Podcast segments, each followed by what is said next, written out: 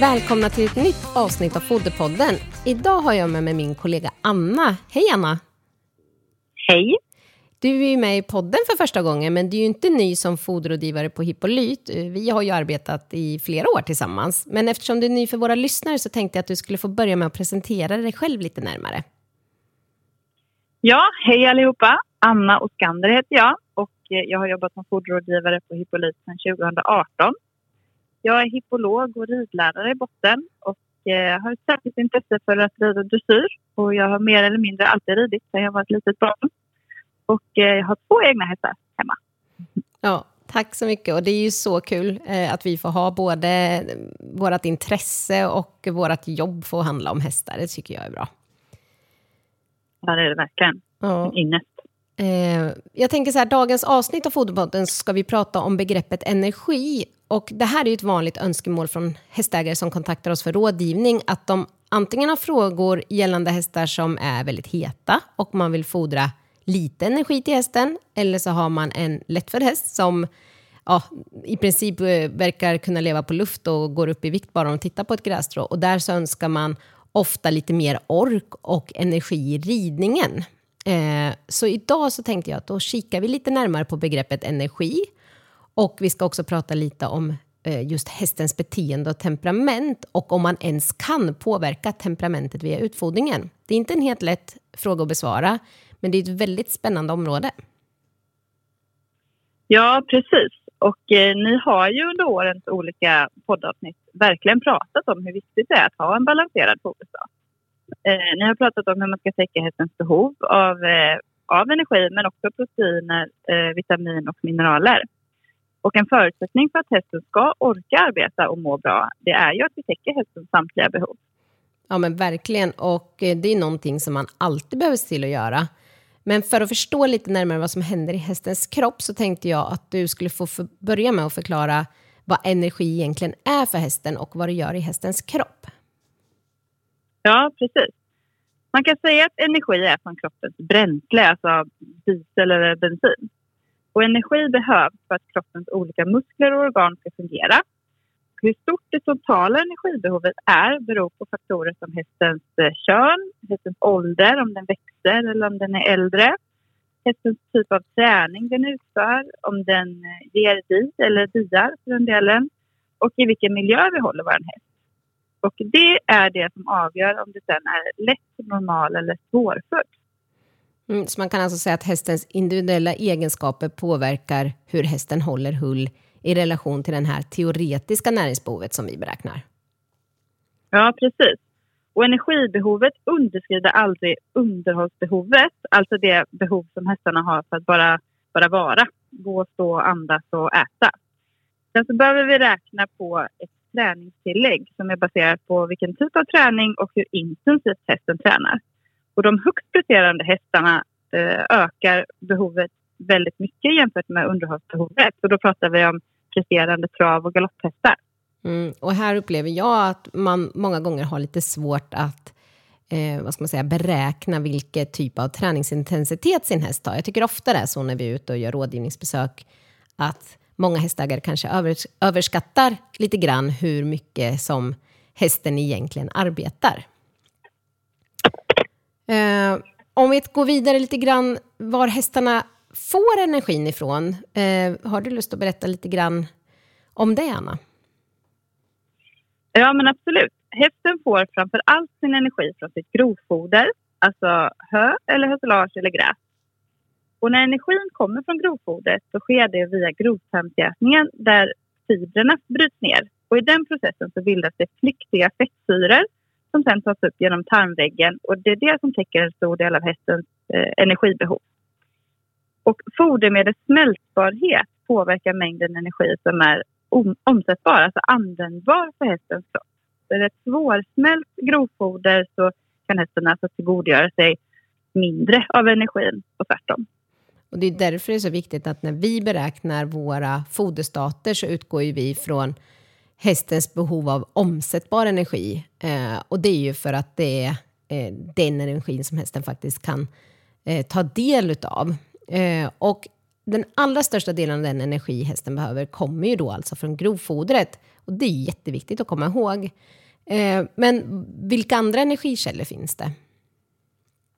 Ja, hästen kan också få energi från fett, socker och stärkelse.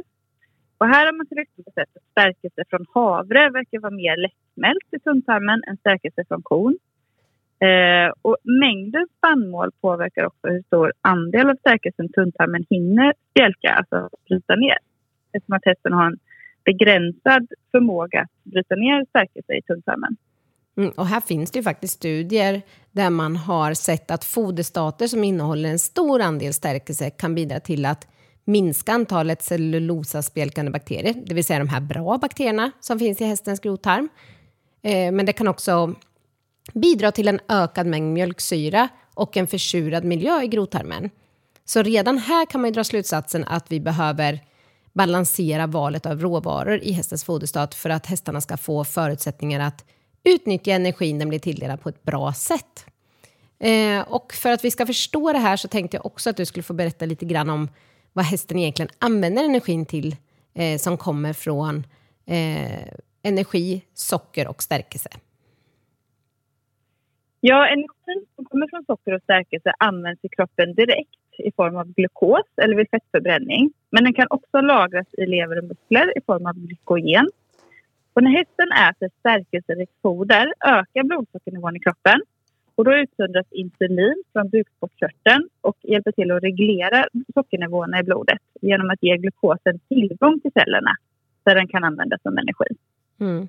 Och här har man ju faktiskt sett att ett överhull kan försämra insulinkänsligheten i cellerna vilket gör det svårare för hästen att utnyttja glukosen på rätt sätt. Och det är i det här fallet som vi pratar om hästar med nedsatt insulinkänslighet.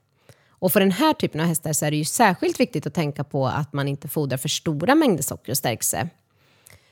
Men jag tänker sen, eh, vad händer med eh, glukosen när den når cellerna hos hästen? Ja, I cellerna finns mitokondrier och tillsammans med syre omvandlar det eh, glukos till energi. Så de fungerar som kraftverk kan man säga.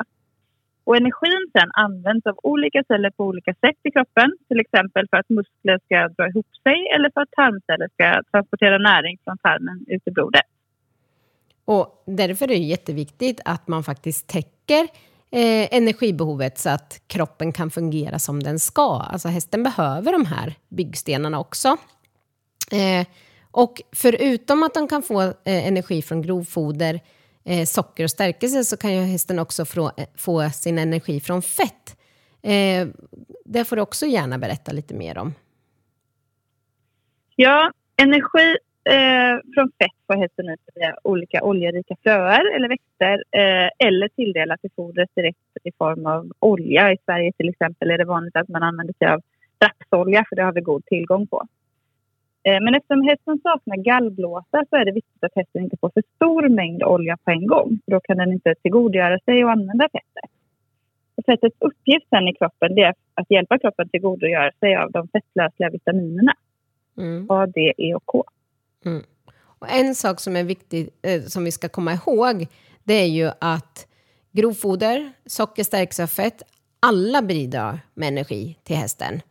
Eh, och om man vill göra en liten jämförelse så kan man räkna på mängden omsättbar energi i exempelvis olja, eh, rapsolja. Eh, så har man 3 deciliter vegetabilisk olja eh, ungefär lika mycket energi som ett kilo bra grovfoder.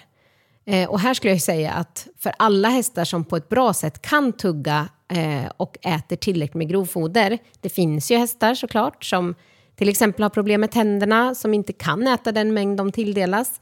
Eh, men för de hästarna som kan äta tillräcklig mängd grovfoder så är ju grovfoder det absolut bästa sättet att tillföra energi till hästen. Och, Absolut. och jag tänker också att det är nu som vi kommer in på det här med hästarnas temperament och utfodring, eh, vad det har för effekt på hästarnas beteende. Och eh, var kan man börja här tycker du? Jo, men vi får börja med att titta på hästens basala behov. Och vi måste komma ihåg att hästen är ett flockdjur med stort socialt behov. Den har en stark flyktinstinkt och ett eh, stort behov av rörelse och har en anatomi och ett födosökande beteende som kräver tillgång till grovfoder en väldigt stor del av dygnet. Och om hästen utvecklar avvikande beteenden som klubbitning eller andra stereotypiska beteenden så kan det bero på att hästen inte eh, får sina behov tillfredsställda helt enkelt. Mm, så man återigen får inte glömma vilken typ av eh, djur hästen är. Och jag tänker också återigen om man jämför den här jämförelsen mellan grovfoder och olja. Om man har en häst som, som inte har problem eh, med att till exempel gå upp i vikt så är, får man ju hästen mycket större möjlighet att utföra sitt naturliga beteende när den äter eh, ett kilo grovfoder jämfört med tre deciliter olja. Ja, Ehm, precis, mer grovfoder. Ja, men precis. Mer grovfoder i foderstaten, men samma energiintag. Men om man kommer in på det här med hästens temperament, eh, hur skulle du beskriva det då?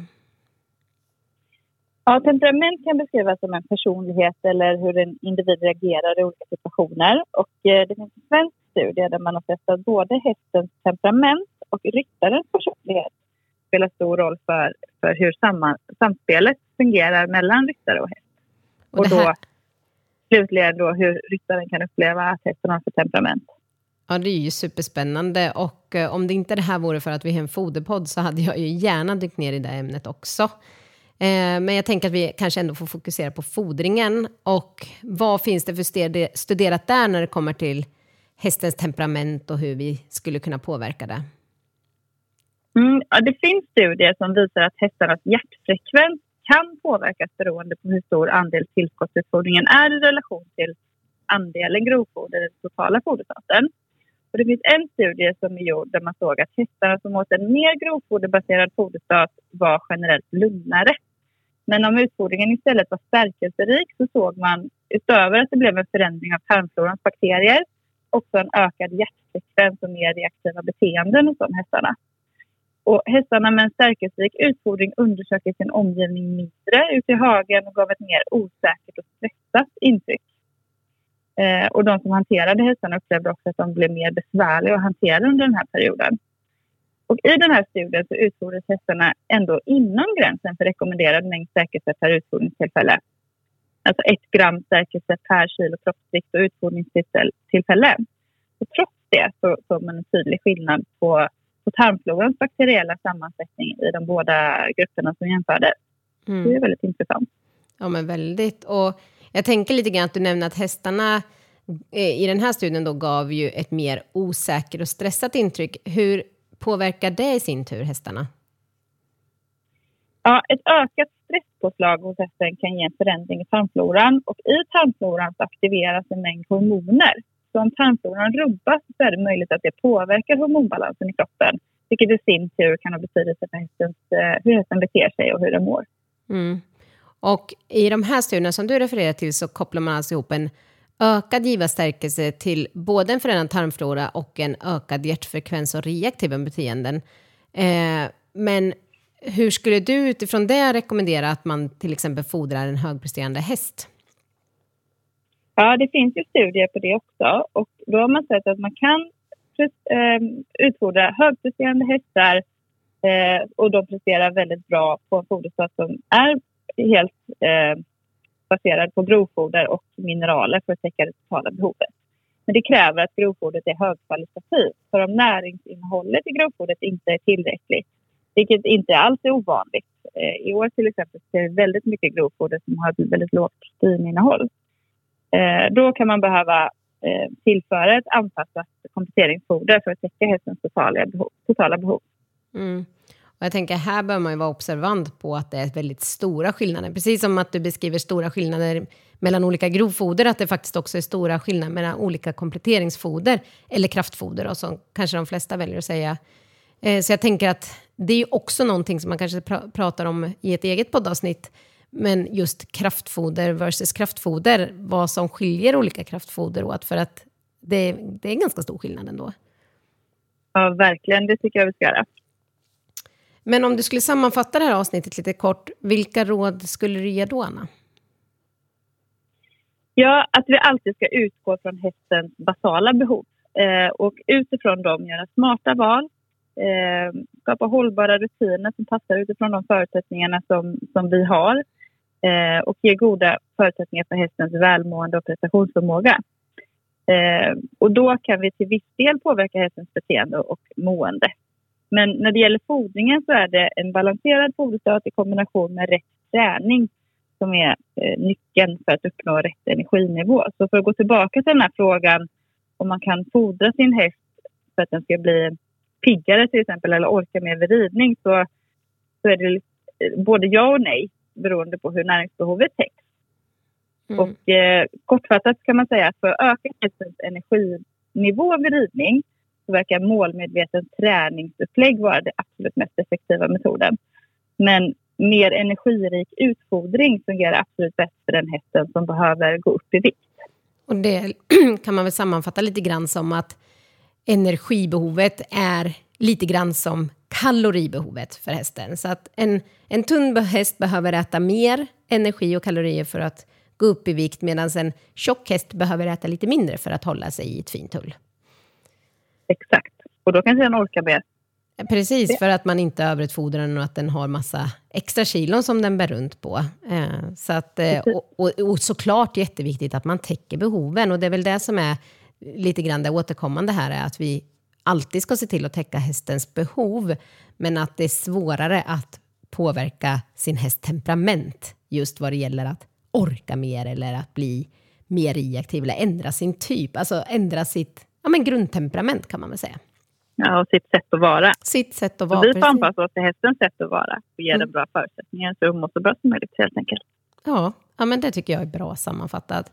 Och är det så att du som lyssnare önskar hjälp med rådgivning till din häst så är du varmt välkommen att kontakta oss på info.hippolyt.se eller så kan man ringa oss på 0413 486 100. Men du, jag tackar så hemskt mycket Anna. Det var jättekul att ha med dig. Hoppas det känns bra. Ja, det var superkul. Jag Ja. hoppas det blir många fler poddavsnitt framöver. Ja, men det ska vi se till. Och eh, det är jätteroligt att du har varit med oss. Så att, eh, vi ser fram emot att höra, och, höra ifrån dig igen. Och så får ta, tackar vi våra lyssnare för den här gången. Så mycket. Ja, ja, ha det så bra. Hej då! Ha det bra. Hej då.